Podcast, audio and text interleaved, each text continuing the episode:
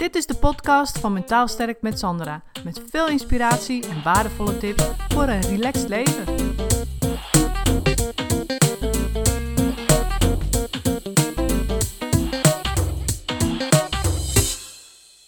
Ik heb nu tijdelijk uh, mijn video online gezet. Dat is de video Stop met positief zijn.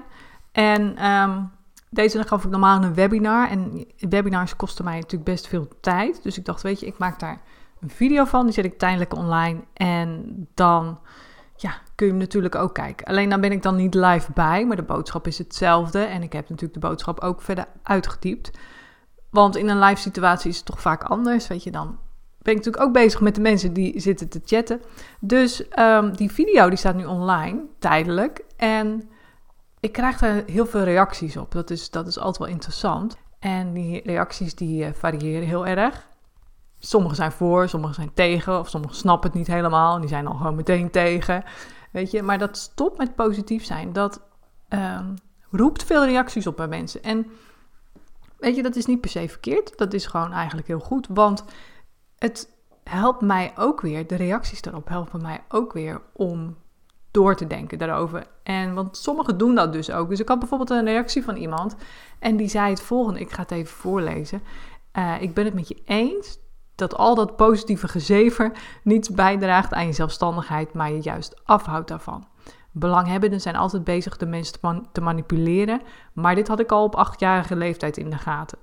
Dit via kerk en overheid die nooit anders deed dan te zeggen wat jij moest doen, gevraagd weet je niks. Het is in mijn beleving goed wat je doet en ik hoop dat velen iets aan zullen hebben. En toen dacht ik, ja, dat is mooi. Weet je, natuurlijk is dat een mooi compliment. Maar als je erover nadenkt, dacht ik van ja, hij heeft, eh, het was een hij in dit geval, echt gelijk. Want de kerk en de overheid zijn natuurlijk al jaren bezig om de mensen te manipuleren. Ja, zo kun je het noemen. Maar goed, heel veel mensen hebben natuurlijk ook um, houvast aan hun geloof. Weet je, dus dat triggert mij ook weer om daarover door te denken van wat doe ik dan precies? En kijk, wat de kerk doet, wat de overheid doet, dat is wat het is. Weet je, daar kies je voor of daar kies je niet voor. Daar haal je iets uit, eh, de kerk dan in dit geval, daar haal je iets uit voor jezelf of niet. Dat is een keuze, weet je, dat is prima. En toen dacht ik ook van, dat is dus precies waar het om gaat. Alles is een keuze.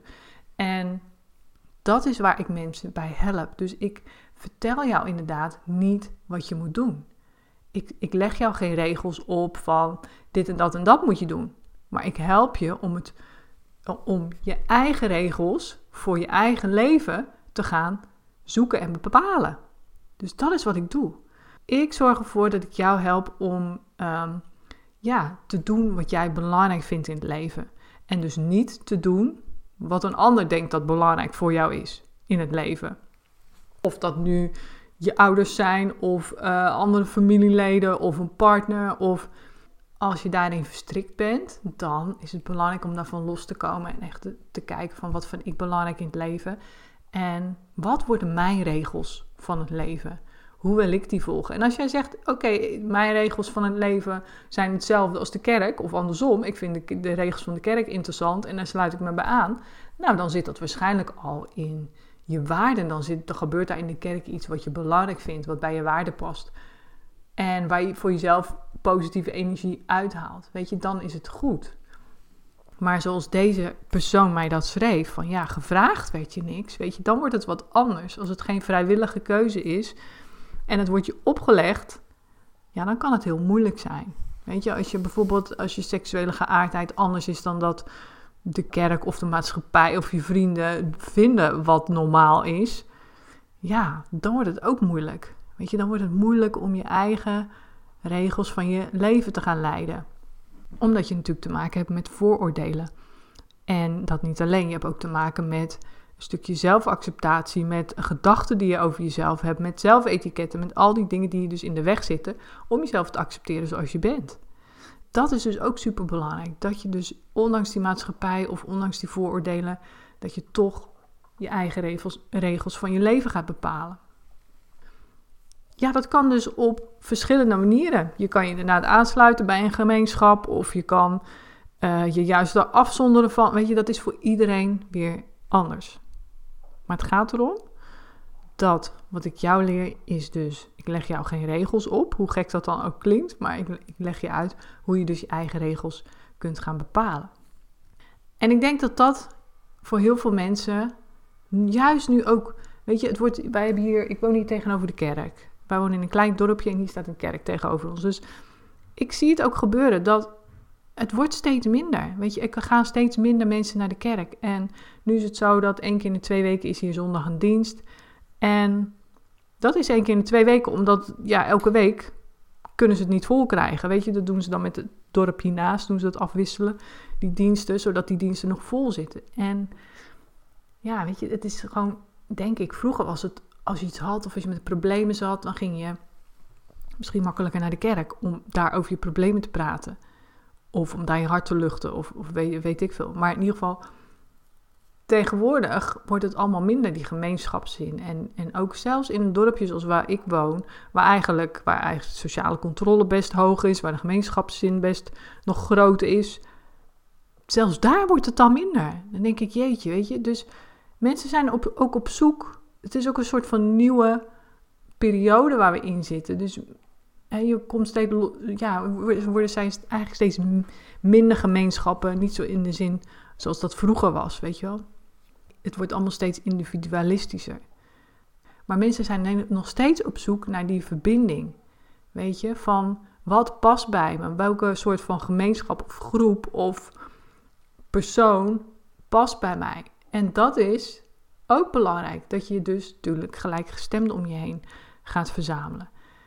En dat is ook het mooie van uh, mijn werk. Want dat is elke keer weer heel typisch. Maar als ik mensen help, trek ik ook weer mensen aan die, ja, waar ik gewoon een goede klik mee heb. En weet je, dat zijn natuurlijk weer die energieën die elkaar aantrekken. En dat vind ik ook het leuke ervan.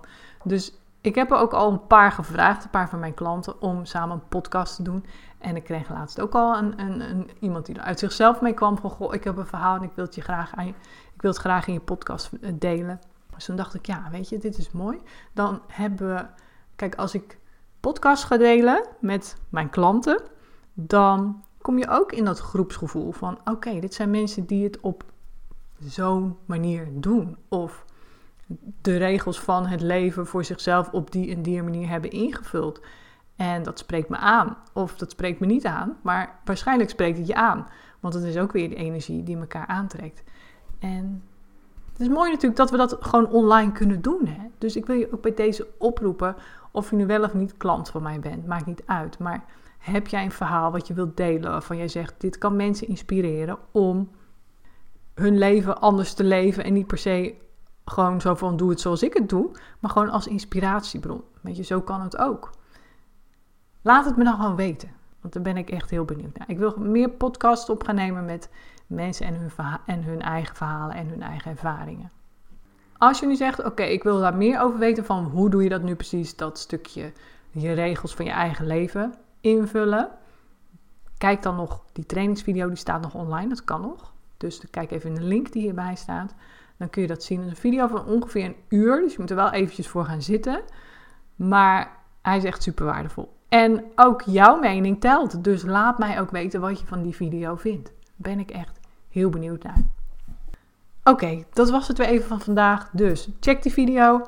En laat me weten als jij een inspirerend verhaal hebt. En je met deze, dit verhaal met mij wilt delen via een podcast. Dan laat het me ook weten. Stuur me even een mailtje naar contact.mentaalsterkmetsandra.nl Bedankt voor het luisteren en tot de volgende keer. Doei doei!